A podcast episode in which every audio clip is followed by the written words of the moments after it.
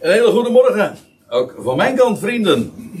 En hartelijk dank voor, uh, voor het openen van het boek der natuur, Dirk.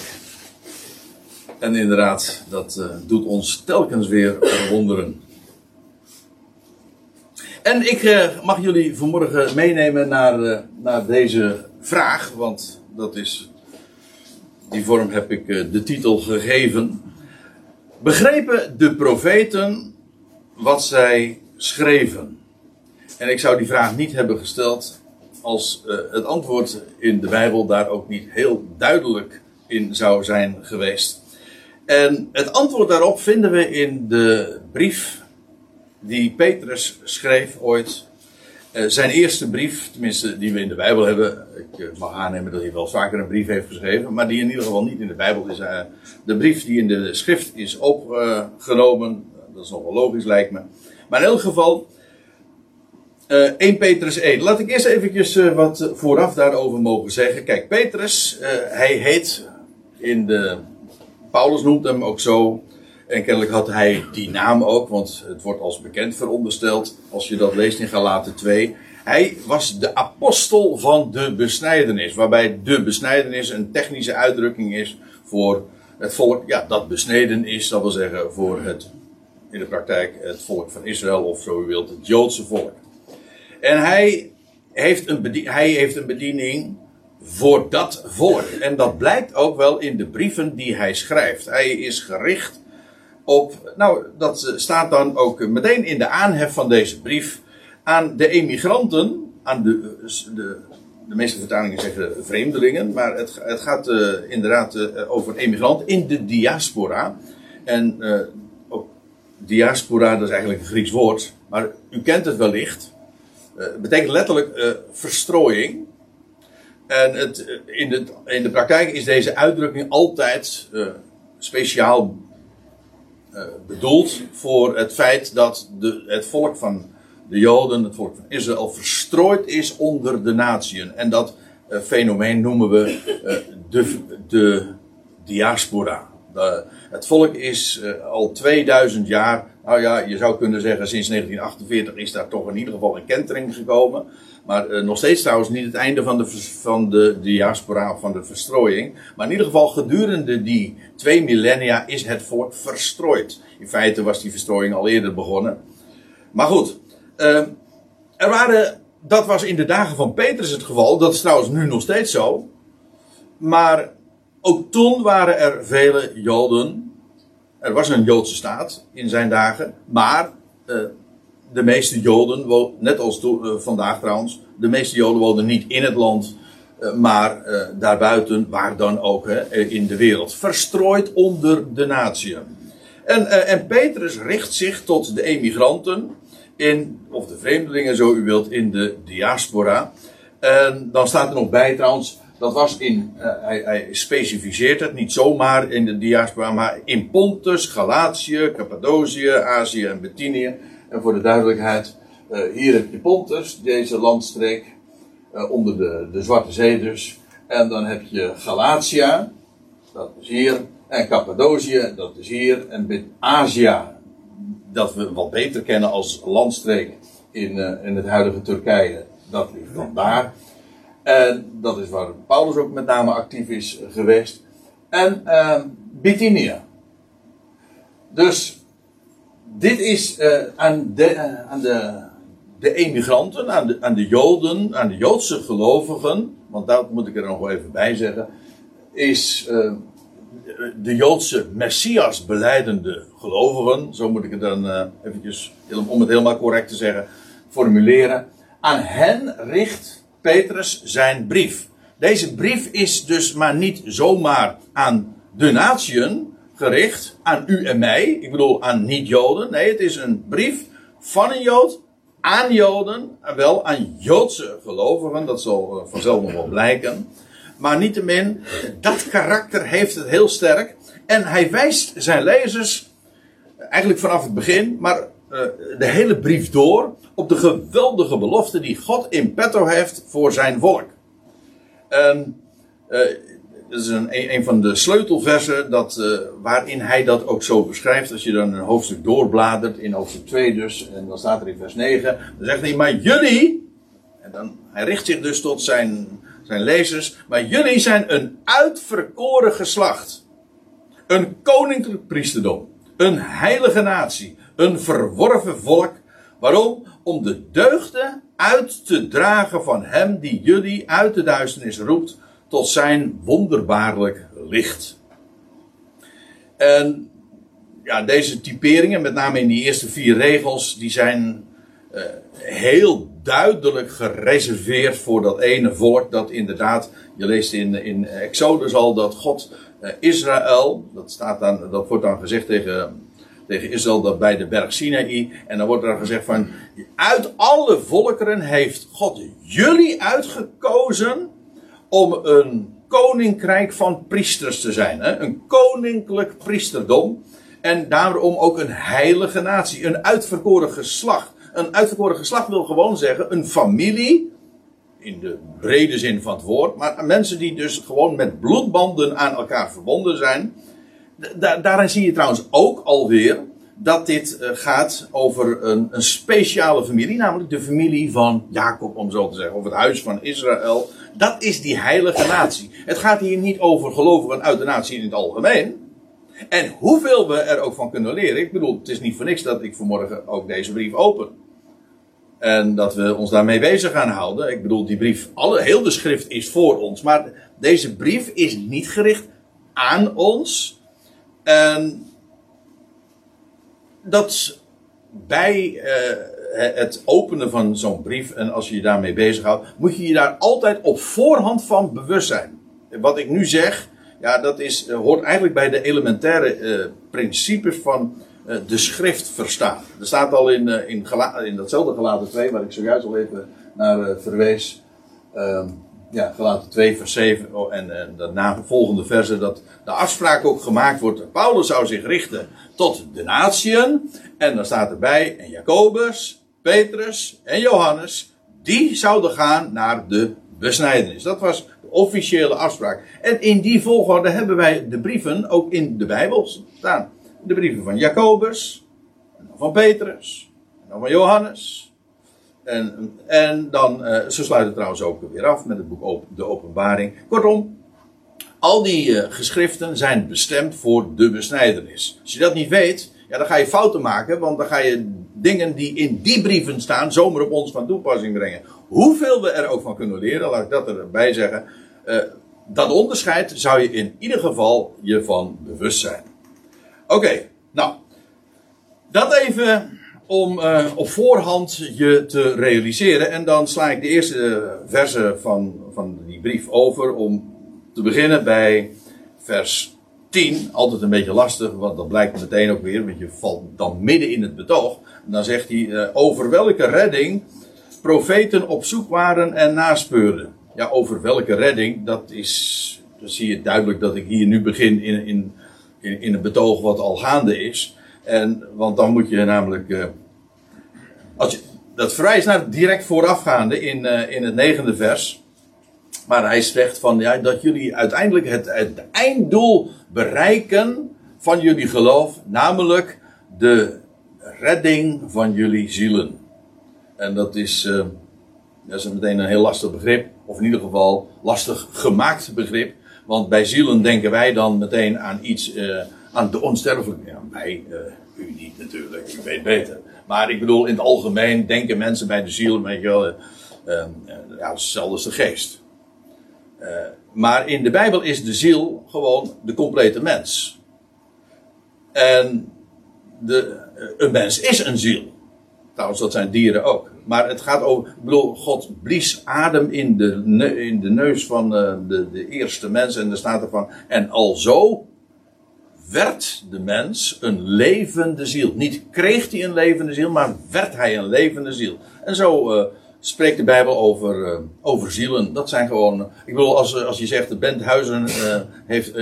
hoeveel, hoeveel zielen wonen daar? Dan bedoelen we gewoon hoeveel personen wonen we daar. Dat zijn, ik weet niet trouwens hoeveel dat er zijn, dat, dat moet ik nog eens nagaan tellen. Maar dat doet. u begrijpt wat ik bedoel. Dus dat is ook vrij logisch. Ja, wat is het einddoel van uh, uh, van, ook in dit geval van de lezers van Petrus. wat was het einddoel van het geloof? Ja, wel het, als, eenmaal, als de Heer Jezus Christus onthuld zou worden, want daar had hij het namelijk ook over in, in vers 9, maar ook in vers 8. De apocalyps van Jezus Christus. Als hij openbaar wordt, wat suggereert dat hij nu dus verborgen is. Oké, nou over die redding, waar, waar zij naar uitzagen, hij zegt ja, over, over welke redding profeten op zoek waren en naspeurden. En nou, kijk, en dit geeft meteen ook antwoord, in feite, of in ieder geval een eerste aanzet tot het antwoord, op de vraag waar ik mee begon. Begrepen de profeten ooit wat zij zelf schreven?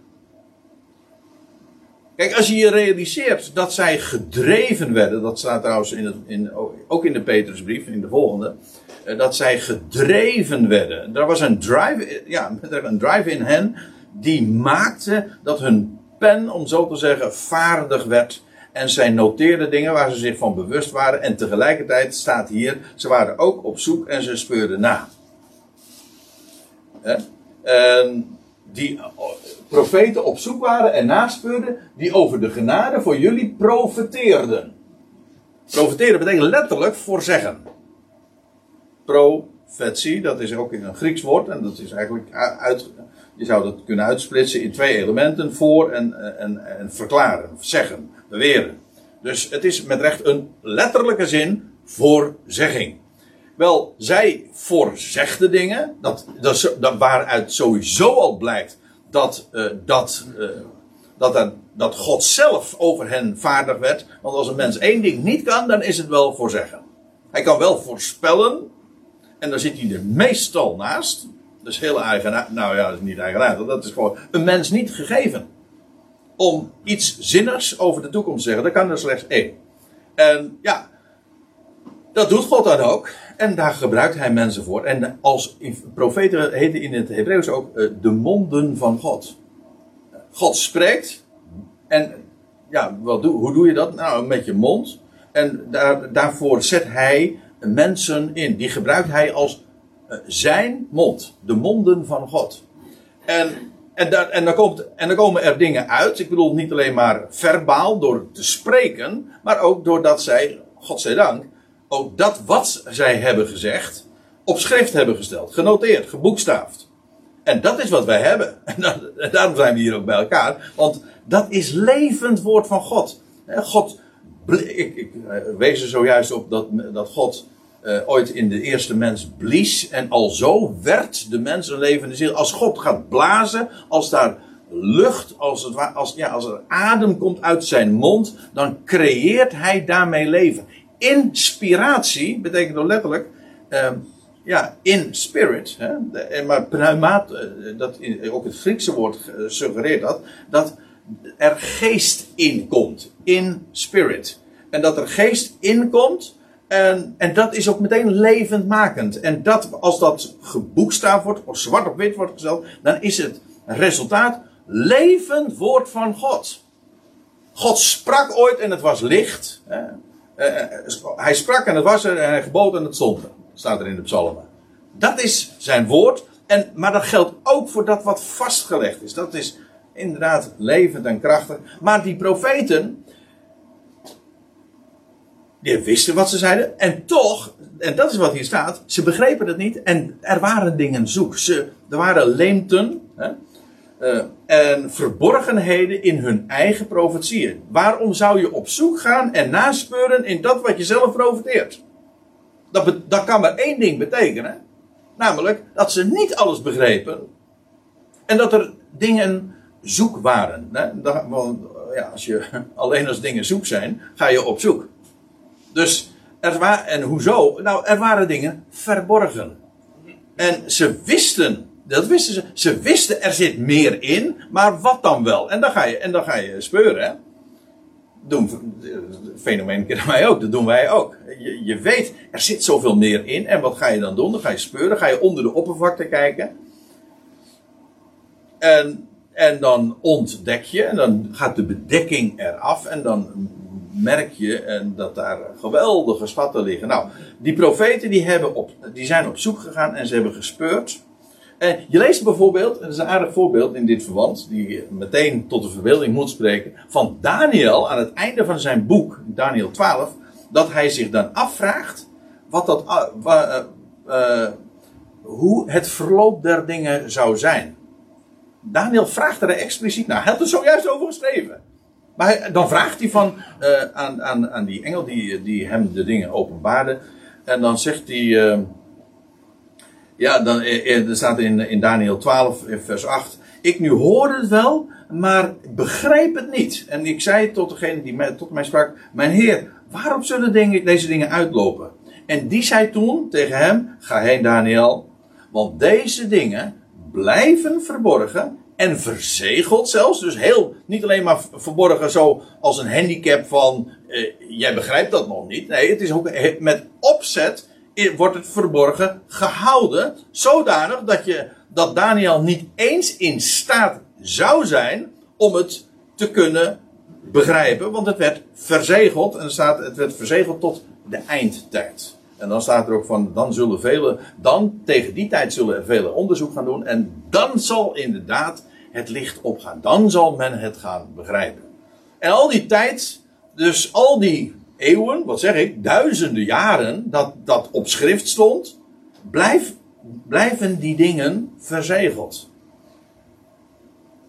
Ja, en, en vandaar dus uh, dat zij hun eigen geschriften niet, uh, niet hebben begrepen. Oh, en zij profiteerden over de, de genade voor jullie. Hè? Dat is, uh, ja, voor jullie, ook hier weer, dat is heel specifiek dus ook voor Israël. Dat die koninklijke natie, dat die, dat die heilige natie, dat uitverkoren geslacht, dat koninklijk priesterdom. Dat zou hen ten deel vallen bij de komst van Christus. En dan staat er, terwijl zij speurden, hier weer, naspeuren, dus doorzoeken, nazoeken. Maar terwijl zij speurden, dat is heel interessant.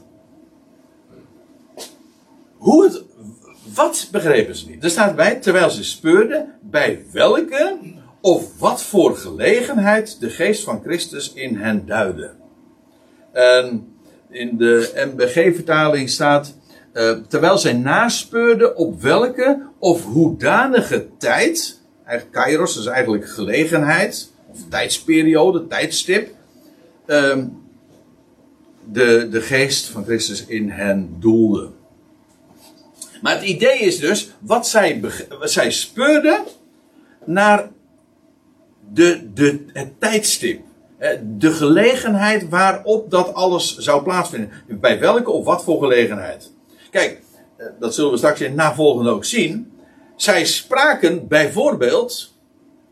Nou ja, ik zeg bijvoorbeeld, eigenlijk was dat vooral de, de, essentie. Over het lijden dat over de Christus zou komen. Ooit zou hij komen die beloofd was, waar heel de, de, de verwachting vanaf het begin van de mensheid opgericht was, namelijk het zaad van de vrouw dat zou komen. Nou, en steeds meer wordt daarover onthuld. En daar is alle verwachting op gesteld. En zij spraken bijvoorbeeld over de leidende Christus, maar ook over zijn toekomstige heerlijkheid. En wat ze. En nou, maar nou, kijk, het is, eh, dat is een beetje eh, het lastige om, om iets aan te voelen. Dan moet je je eh, kunnen om een ander te kunnen aanvoelen, moet je je kunnen verplaatsen. Dat is soms heel lastig in communicatie. Te, moet je proberen te verplaatsen in, uh, in de situatie en in de denkwereld van die ander. Dat is een heel lastig gegeven, maar ja, dat. En in dit geval, het is voor ons heel lastig ook te begrijpen hoe die profeten hebben geworsteld is een, misschien een groot woord, maar misschien ook wel. Maar in ieder geval gespeurd hebben en zich hebben afgevraagd: hoe zit dat nou? Wat voor. Hoe, hoe moeten we die dingen uh, combineren? Ik bedoel, aan de ene kant spraken ze over een Christus die zou lijden, maar ze spraken ook over de, de heerlijkheid van, van, van de Messias. Met name dat, eigenlijk dat was waar de Joden echt uh, naar uitzagen, namelijk over de Messias die zou komen en, en, en Israël die dat hersteld zou worden en het koninkrijk van, of dat koningschap van David zou hersteld worden, die troon in Jeruzalem en die zou wereldwijd gaan regeren, etc. Daar was de verwachting op gericht. En eh, het, voor, de, voor de Joden tot, tot, de dag van vandaag, die weten eigenlijk helemaal geen raad met al die profetieën die gaan over een leidende Messias. En wat de procedure die men daarvoor tot op de dag van vandaag heeft toegepast, is uh, gewoon dat wegredeneren. En voordat we daar nou al te boos over worden, of over, over die, voor die praktijk, moet ik er meteen even bij zeggen wat de christenen, de kerk heeft gedaan met al die andere profetieën over de, de heerlijkheid van de Messias. Die zou regeren in, in Jeruzalem, die de troon van David zou herstellen en die, uh, die, die, Israël, die Israël weer de plaats zou geven die het zou toekomen en een Messiaanse rijk hier op aarde te vestigen. Weet je wat de kerk daarmee gedaan heeft? Weggeredeneerd. Men gelooft het niet. Het is allemaal eh, vergeestelijkt. Uh, over Israël toekomst en van Jeruzalem. En dat daar de Messias werkelijk zal regeren en de troon van David herstellen. Dat is allemaal, die heerlijkheid hebben allemaal weggeredeneerd. Dus de terwijl dus de, aan de ene kant de, het Jodendom in het algemeen tot op de dag van vandaag geen, geen raad weet met een leidende Christus, weet de kerk tot op de dag van vandaag geen raad met de, heerlijk, met de heerlijkheid van de Messias als koning hier op deze aarde en in Jeruzalem, et cetera. Nou, en dan moet je die twee met elkaar uh, gaan laten communiceren. Dat Jodendom en, de, en die kerk. Hè. En dan gaan ze dan in gesprek met elkaar. Dat is een heel. Uh, de dialoog tussen de, de, kerkleiders. En daar komen ze bij elkaar in dure conferenties en zo. En ze begrijpen er natuurlijk geen barst van. Nou ja, ze kunnen natuurlijk wel een compromis sluiten. En een gemeenschappelijke grond is altijd wel te vinden. Maar waar het om gaat, nee. Ja, en dan zegt. Uh, en dan moet ik meteen denken aan die Emmausgangers die het ook niet allemaal helemaal begrepen ooit op de dag van de opstanding. En dat die vreemdeling zich incognito bij hen vervoegt. En dan zegt van. Uh, oh, onverstandige en dwaze van hart. Dat jullie niet geloven alles wat de profeten hebben gesproken. Moest de Christus dit niet leiden om al zo in zijn heerlijkheid in te gaan? Niet het ene wegredeneren. Nee, gewoon alles geloven wat de profeten hebben gesproken. En dan, dan, ja, dan, uh, dan werkt de schrift ook werkelijk als een, als een puzzel. Want al die stukjes die passen in elkaar. En dan krijg je, ja, dan klopt het. Wat je ook mag verwachten van het woord van God. Dat is logisch, het is consistent, het is, het is innerlijk samenhangend. Maar goed, die profeten begrepen dat dus niet. Die spraken over de, de, het lijden van Christus, maar ook over de heerlijkheid. Maar hoe verhouden die zich, die twee? Hoe, hoe van het een naar het ander? Dus u kent wellicht dat het beeld van de, van de profeet, eigenlijk, die over, uh, ja, die voorzegt en die ziet bergtoppen. Ja. En die bergtoppen zie je achter elkaar. De insnijdingen, de dalen tussen die bergtoppen, ja, die, die zie je niet als je op, een, uh, op de top van een berg staat en je kijkt over het berglandschap. En dat was met die profeten ook het geval. Ze zagen wel die toppen.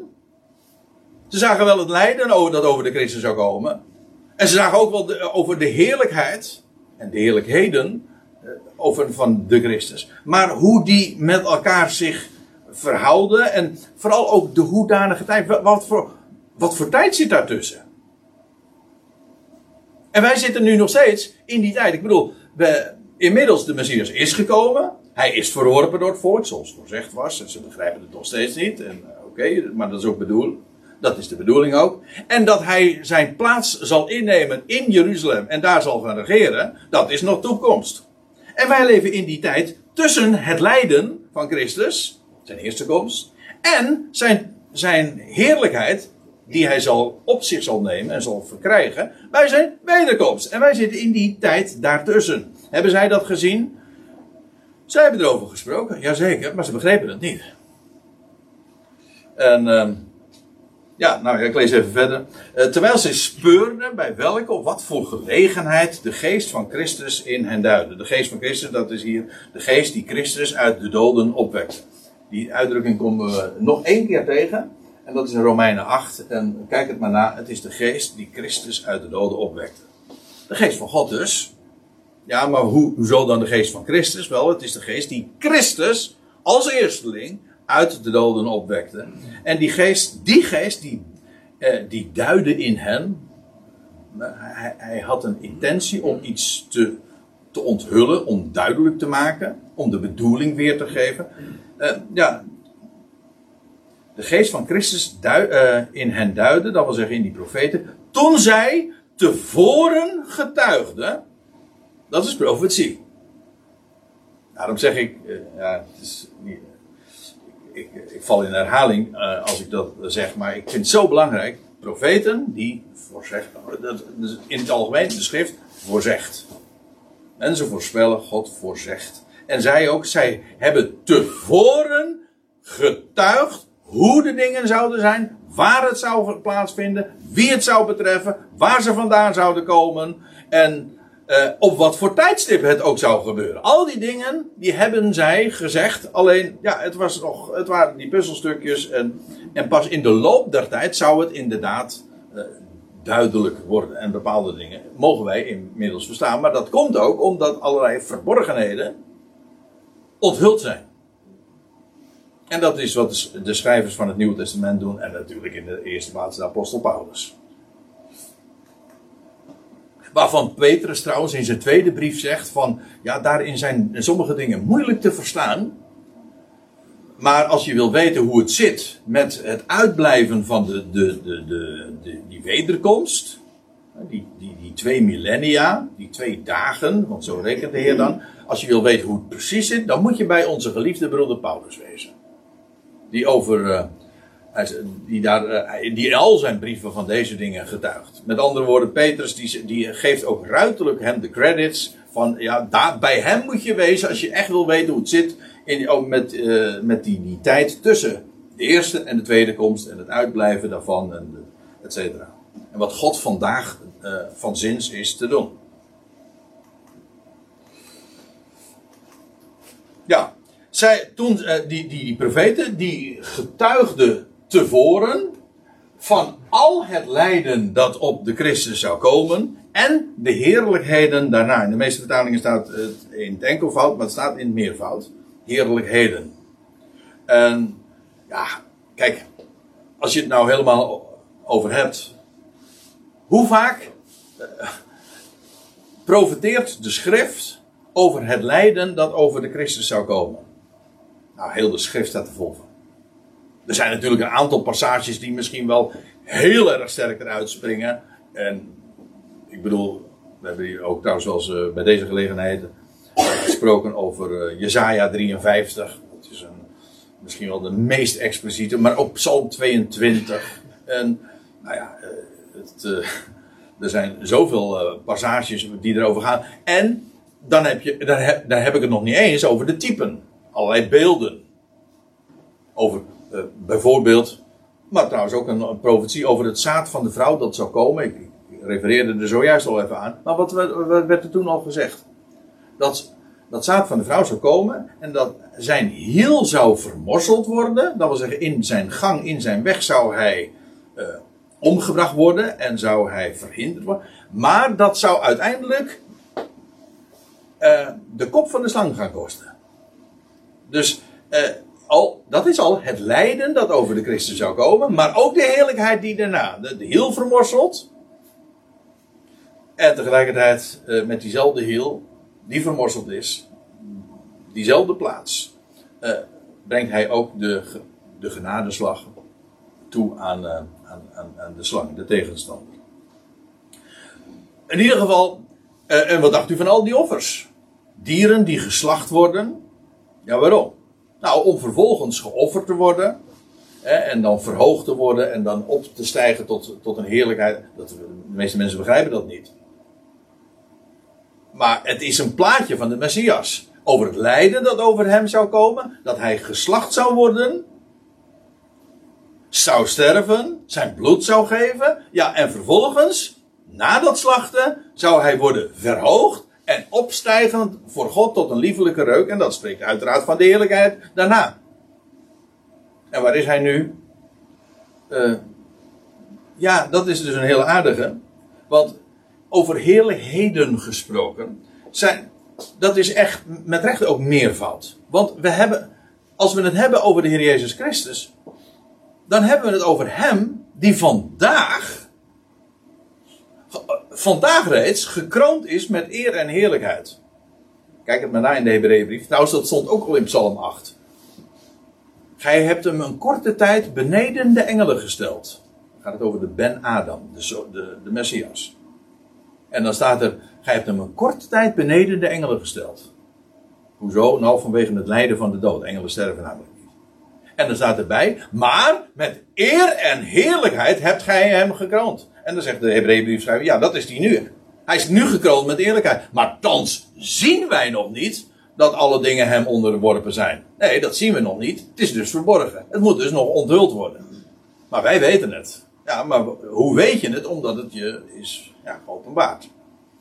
Maar, uh, ja, ik, ik heb hier op Psalm 8, maar Psalm 110. Zet, dat, dat tegen de Messias gezegd wordt. Zet u aan mijn rechterhand. Eigenlijk de hele Hebreeënbrief. zeg maar. Uh, de Hebreeënbrief gaat daarover. Over dat hij gezet is aan Gods rechterhand. En, daar wacht hij nu.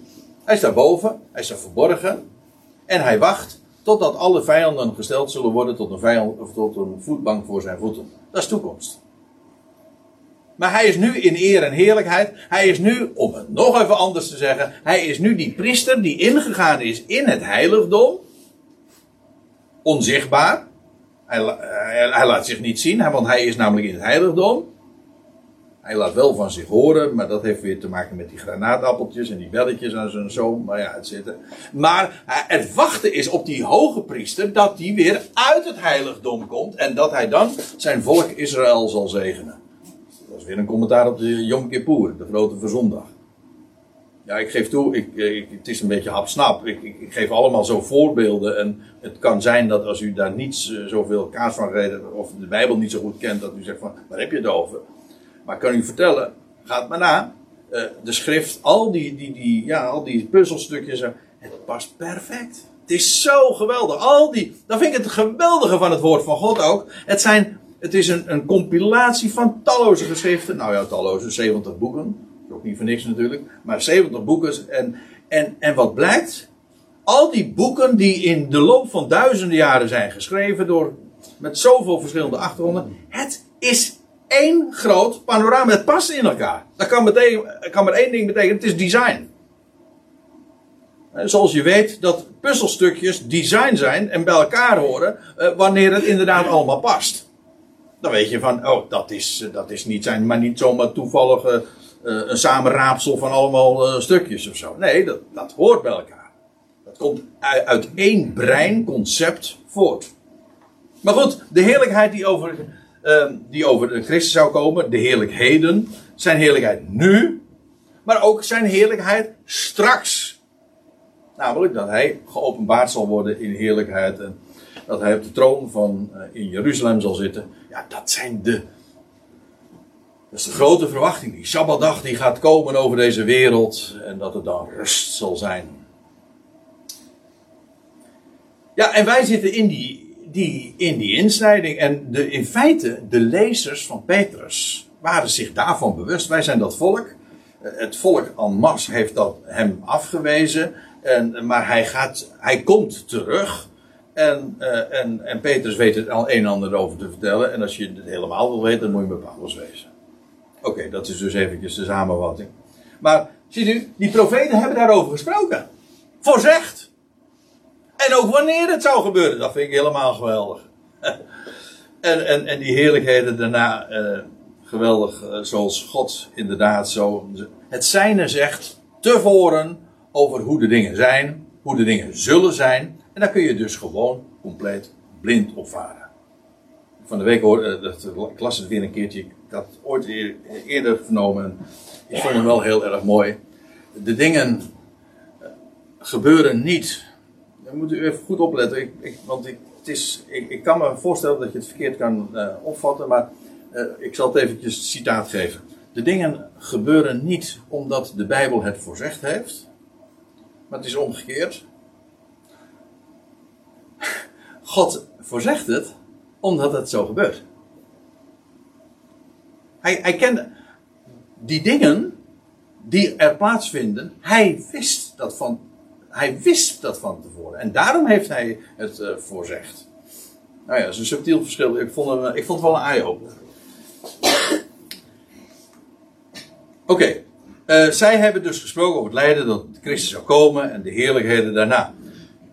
Aan hen, die profeten, werd onthuld dat zij niet zichzelf, staat trouwens in de meervoud, zichzelf, dus zich, eh, zichzelf hun, eh, ook hun generatie, maar jullie bedienden met de dingen die aan jullie werden verkondigd.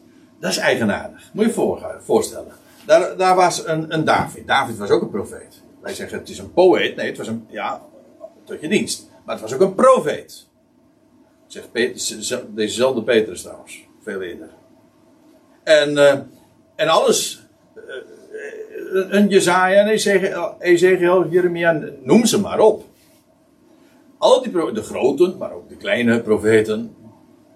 Zoals dat dan altijd genoemd wordt. maar in ieder geval, je zou zeggen van ja, zo wordt het heel vaak uitgelegd. Hè, van ja, je moet profetieën begrijpen gewoon in de, in de, in de tijdsetting waarin het gesproken is. En dan wordt het, uh, dan wordt gezegd van Nahum, ja, dat, ging, dat was allemaal ter bemoediging van, om, om zijn, zijn volksgenoten, van zijn tijdgenoten, een hart onder de riem te steken. Ik ontken dit niet, maar ik wil erop wijzen dat zij wisten dat wat zij profeteerden, daarmee dienden zij niet zichzelf en ook niet hun generatie, maar, zegt Petrus hier, maar jullie, eeuwen later. Het was voor jullie. Ik bedoel, als die voorzeggingen inderdaad gaan over een, over een, een, toekomende tijd, eh, om maar wat te noemen eh, als Jezaja in de zesde eeuw voor Christus profeteert, en dan zou het nog zes eeuwen duren alvorens die leidende Messias zou komen. Oké, dat betekent dus dat wat hij toen noteerde, pas actueel zou worden, zes eeuwen later. En dan pas zouden ze het begrijpen. En al die eeuwen daarvoor, ja, wisten ze van nou, dat gaat komen. Kun je allerlei vragen hebben. Ik bedoel, die profeten zelf zullen hun vragen hebben gehad. En de, de lezers in al die eeuwen net zo. Eh, en, en de meeste lezers die hebben nog steeds diezelfde vragen. ja. Uh, begrijpt u? Uiteindelijk, het is bestemd voor, de, voor hen uh, aan wie het vervuld wordt. Dat is nogal logisch. Een voorzegging wordt vervuld en pas dan wordt het daadwerkelijk actueel. En dan, en dan volgt het evangelie. Dus ik weet niet of u zich dat wel eens hebt gerealiseerd, maar juist in het boek Handelingen zie je dat regelmatig terugkeren. Het evangelie is een evangelie, een goed bericht. Omdat God zijn beloften en dat wat hij voorzegd heeft, nu heeft vervuld. Dat is een goed bericht, toch? Dat waar je op wachtte en waarvan je wist het gaat komen, want het is voorzegd. Nu, als het eenmaal vervuld wordt, als de voorzegging uitkomt, ja, dan wordt het als een blijde tijding aangegeven. Dat waren, waar, we, waar we altijd naar hebben uitgekeken, dat is nu vervuld. Nou, en dat is wat hier staat. Aan hen, die, die profeten, werd onthuld dat niet zij zichzelf, maar jullie bedienden. Jullie, gewoon, jullie in de eerste eeuw. Hè? Petrus en zijn, zijn lezers, in ieder geval. Met de dingen die aan jullie werden verkondigd. Hè? Door hen die jullie evangeliseerden. Dat is leuk, hè? Die jullie het, uh, het evangelie hebben gebracht. Evangelie staat gewoon als een werkwoord, evangeliseren. Als een goed bericht, als een blijde tijding hebben doorgegeven. Ja, in, Heilige Geest. Diezelfde geest, ja, dat is heel eigenaardig. In Heilige Geest, diezelfde geest die de profeten deed profeteren en in hen vaardig maakte, hen gebruikte en hen inzette. Ja, diezelfde profeet, eh, sorry, diezelfde geest die hen eeuwen eerder deed profiteren, die, doet nu, die zet nu boodschappers in om die blijde tijding door te geven. Zo staat het in, door hen die jullie evangeliseren in de Heilige Geest. diezelfde geest die ooit uh, maakte dat, dat die profeten dat konden voorzeggen en dat ook hebben opgetekend. En die geest die is jullie gezonden vanaf de hemel, dat wisten zij ook, was trouwens ook allemaal voorzegd. En het is ook vervuld op een dag die God ook al had gefixeerd, namelijk op de Pinksterdag, de 50ste. Ja. En daar staat er nog bij, dat zijn dingen die jullie nu, nu het inderdaad bewaarheid is geworden. eh, En, en als blijde tijding nu aan jullie emigranten daar in Pontus, Bithynië en hoe heet het daar allemaal. Wat heb ik zojuist gezegd? Aan jullie eh, is dat nu verkondigd. Aan jullie, dat heilige geslacht. Jullie mogen het nu weten. En, ehm, en dat zijn dingen. Eh, in welke dingen engelen begeren een blik te slaan. Een blik te slaan. ehm, ik wou zeggen een blik te openen, maar dat is weer wat anders natuurlijk. Maar eh, het idee is eh, letterlijk, dit woord wat hier staat in het Grieks, dat betekent letterlijk eh, bukken of vooroverbuigen om te kijken. Dat is wat het woord ook letterlijk betekent. En de aardigheid is dat dat komt een aantal keer, dit werkwoord komt een paar keer in het uh, Nieuwe Testament voor. En uh, de mooiste is in Lucas 24, maar ook in Johannes 20. Maar je leest van zowel Petrus, Petrus, ja ja, en Maria, die op de dag van de opstanding voorover bukte en keken in het graf. En, die, en dan lees je in Johannes 20, kijk het maar na, ik heb expres de, de bonnetjes er zeg maar even bijgeleverd. Uh, maar daar wordt dat werkwoord gebruikt. En ze bukten voorover om te zien. En toen zagen ze inderdaad die winsels. Uh, als u het mij vraagt, gewoon een lege kokon zagen ze. Om over de te slapen, nog maar eventjes. Dat is toch ook als, als, een, als een rups in een, in, in, in een kokon zit. Ja, dat is ook een winterslaap. Nou ja, in ieder geval, de vlinder was gevlogen. En de kokon, de lege kokon, die lag daar nog. En met het hoofdeinde aan de ene kant en de, de winsels uh, aan de andere. Gewoon keurig, allemaal opgerold. opgerold. In dat, uh, nou ja, enzovoort. Dat is een, een verhaal apart. Maar uh, zij, zij bogen, daar, daar, gaat het maar om, ze bogen voorover om te zien. Nou is daar een heel aardig voorbeeld. Want als Petrus nou zegt van, in welke dingen engelen begeren een blik te slaan. Oftewel, voorover buigen om te zien. Waar doelt hij op? Ik ken maar eigenlijk één voorbeeld, en dat is uh, naar uh, wezens. Hij, ze worden gerubs genoemd, ze zijn eigenlijk engelen. Dus een, engel is een heel, is een, ja, is een containerbegrip, wat trouwens niet eens specifiek alleen maar gereserveerd is voor, voor hemelwezens. Ik bedoel ook Johannes de Doper en de verspieders, dat die heten ook engelen. Als je op het moment dat jij een boodschap doorgeeft, ja, dan ben je een boodschapper, dan ben je een engel. Ja, nou hoor ik ze.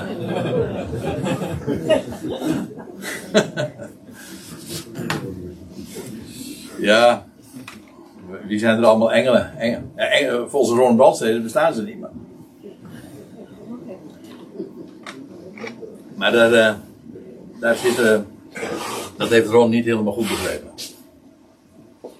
Maar uh, ik weet wel, je hebt, uh, je hebt ook serafs, maar hier worden ze ge engelen gewoon uh, als aanduiding ge genoemd.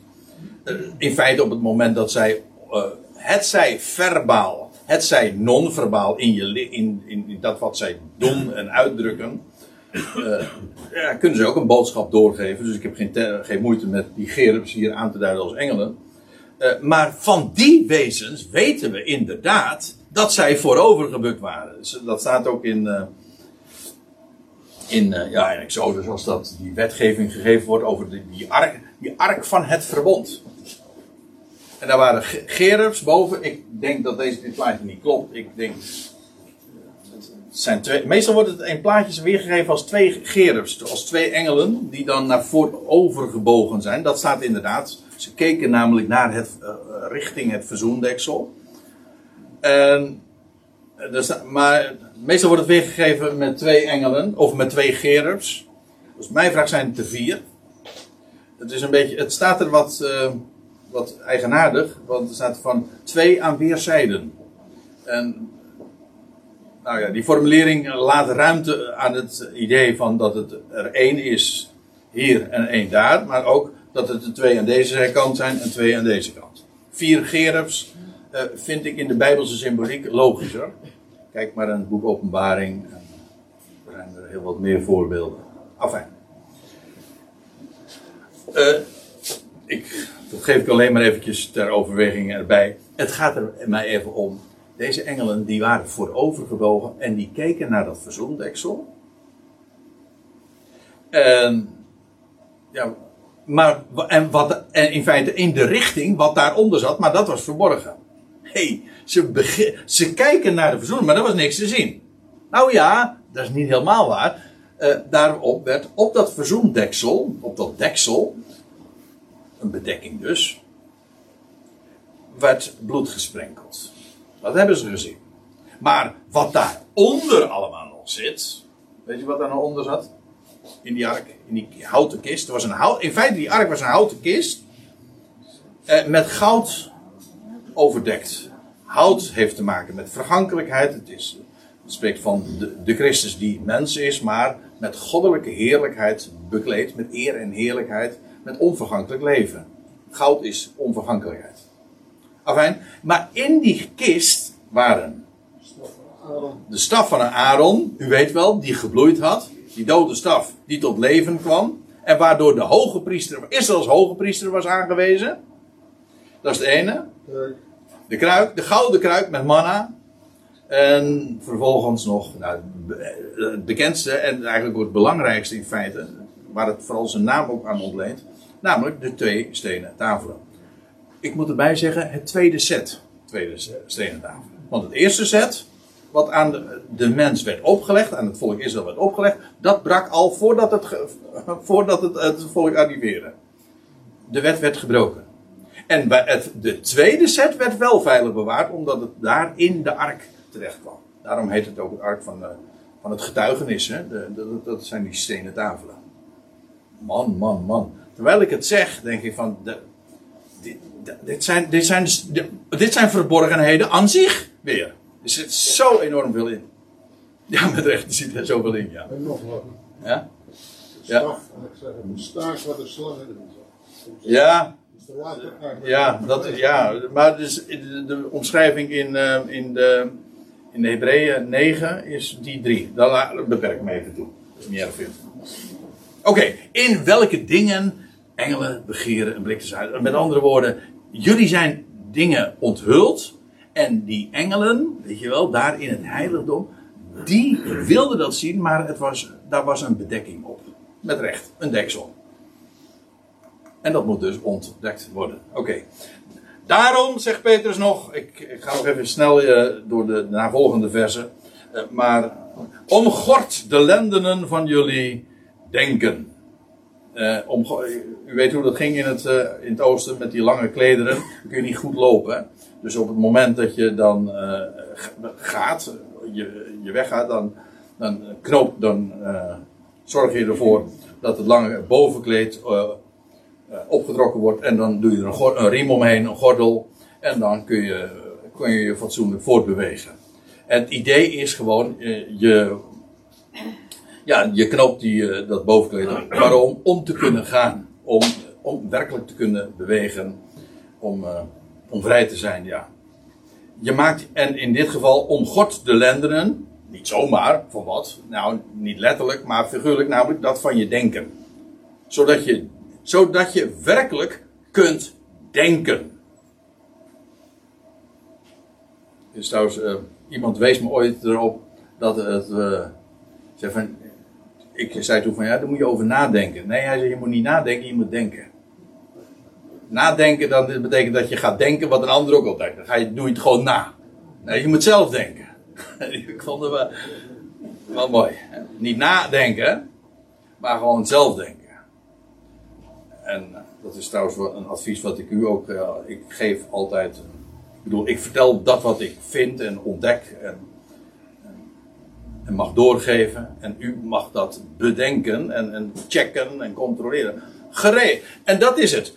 Om gordelenderen van jullie denken. Nuchter. Ja? Dat is uh, hetzelfde idee. Niet, be, niet, niet beneveld door alles wat er in de wereld, ja letterlijk beneveld, maar ook figuurlijk, door alles wat er in de wereld over je uitgestort wordt, alle onzin en netnieuws en weet ik wat allemaal.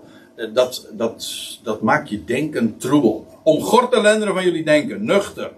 Volkomen de hoop vestigend op de genade die jullie gebracht wordt in de onthulling van Jezus Christus. Hier is dit waar ik het zojuist ook over had. Namelijk uh, ja, de, de onthulling hier, de apocalyps. Dat is letterlijk eigenlijk dat het er een, een zoals een beeld onthuld wordt. Hè. Het beeld was er al, alleen het was verborgen. En als het onthuld wordt, Jezus Christus is nu de verborgene, als de priester in het heiligdom. Ja, en straks wordt hij onthuld, dat is zijn apocalyps. En jij zegt, daar hebben jullie volkomen de hoop op gevestigd. Op de genade die jullie dan als, als volk van Israël, als koninklijk priesterdom dan gebracht zal worden. Wordt als gehoorzame kinderen, dat wil zeggen als kinderen die gehoor geven, niet gevormd. Wordt niet gevormd naar de begeerte van jullie vroegere onwetendheid. Het idee is niet dat begeerten aan zich fout zijn, maar wel wanneer ze niet. Uh, wanneer ze gevormd zijn, geschematiseerd, dat is het letterlijke woord wat hier ook gebruikt wordt, uh, vanuit onwetendheid. Daarom, je moet op de hoogte zijn van. En zodat je ook werkelijk kunt denken. Ja. En wordt niet gevormd door naar de begeerte van jullie vroegere onwetendheid. Maar gelijk hij die jullie roept, heilig is, worden zo ook jullie heiligen. In heel jullie gedrag. En hoe, uh, heiligen wil zeggen, kijk, heiligen wil zeggen apart gezet. God heeft het volk een, uh, dat koninklijk priesterdom is een heilige natie. Waarom? Het wordt apart gezet voor een speciale bediening. Dat is heilige. En, en hoe, wordt, hoe vindt dat plaats? Wel door gehoor te geven, zodat het woord op je toegepast wordt, zodat heel je gedrag uh, door het woord aangedreven geheiligd wordt. Ik zal je dit vertellen op het moment dat je gehoor geeft aan het woord, je hoort het, en je luistert naar en je zegt amen op, dan gaat, zegt uh, Paulus ook, dan wordt je denken hervormd. Uh, en niet meer in het schema van de wereld, maar dan ga je heel anders denken, ga je heel anders tegen de dingen aankijken. Krijg je een totaal andere, ja, ik wou zeggen wereldbeeld, maar dat bedoel ik eigenlijk letterlijk ook zo. Maar goed, dat is, uh, de laatste tijd denk ik daar nog eens over na. Maar je gaat een heel andere je ziet dezelfde wereld als waar de, anderen naar kijken en toch zie je iets totaal anders. Waarom? Ja, je bent niet onwetend meer. Je, ziet, je krijgt, je krijgt heel andere ogen. En dan denk je, en dan, praat je met een ander. En dan denk je van, ben ik nou, dan denk je dan wel ben ik nou gek of zijn zij, uh, zijn zij het? Moet je altijd heel erg uh, voorzichtig natuurlijk mee zijn. ja, wie, wie, wie, van, wie van twee is nou, is nou gek? Maar dan denk je, wat, dit is een hele parallele wereld, joh. Nou ja, goed. Maar goed, je, je zal maar onwetend zijn en dan ben je beneveld. En ja, dan, dan zie je de dingen niet helder. Om heilig te worden in je denken. Er, en daar wil ik mee afsluiten met vers 16. Want ik vind hem zo mooi. Al was het maar om even het grote contrast aan te geven hoe dit altijd wordt weergegeven. Let op. Uh, er staat, uh, gelijk hij die jullie roept heilig is, worden ook zo jullie heiligen in heel jullie gedrag. Er staat immers geschreven, jullie zullen heiligen zijn, omdat ik heilig ben. Als ik dit lees, en ik bedoel, dit wordt gezegd tegen, nou ja, waar we het over hadden, de geadresseerden. Een volk dat een koninklijk priesterdom is, een heilige natie. Dat wordt aangezegd, dat is een belofte. Hier staat, er staat immers geschreven, jullie zullen heiligen zijn. Hoezo? Nou, ik ben heilig.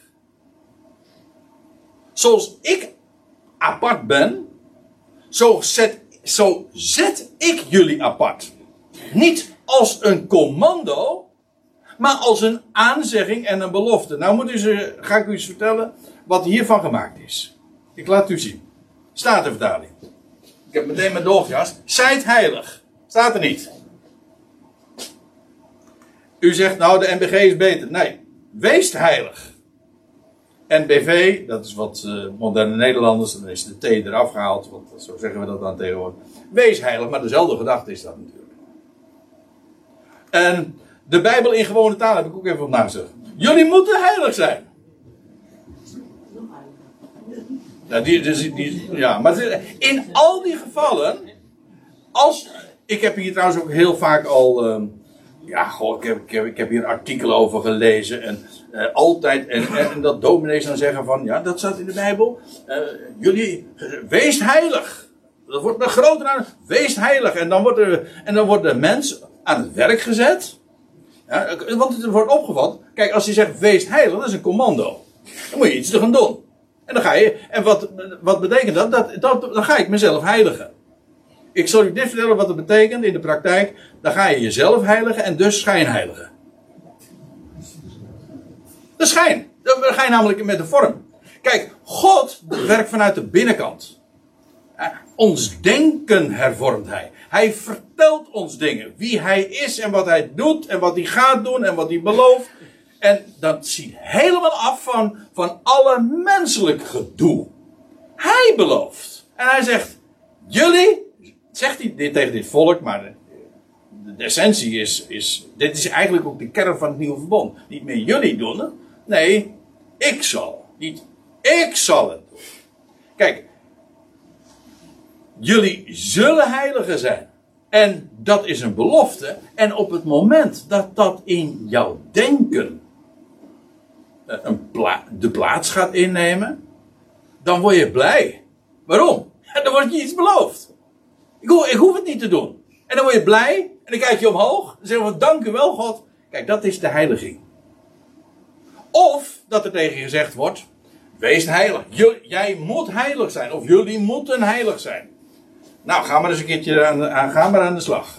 Hoe zit het met. En, uh, nou, ik, kan, heel, ik ben er niet zo goed in, maar. Uh, je zou dat heel beeldend allemaal kunnen doen. Hè? Hoe dat dan gezegd wordt. Wat, wat, je allemaal moet doen. Hoe zit het eigenlijk met uw tv kijken, eh, beste vriend? En. Uh, ja, goh. welke krant, welke krant leest u? Wat, leest u allemaal? En, en dan wordt de mens gezegd, vind je dat eigenlijk wel goed? Of tegenwoordig in, als je in, in, tegenwoordig in, in moderne predikingen, of nou evangelisch of weet ik wel. Dan wordt er gezegd van, hoe is uw CO2, uh, eh, of, hoe, of wat doet u, wat doet u, wat, wat doet u voor het klimaat van, van deze aarde en, en, en, dat soort gedoe. Hè?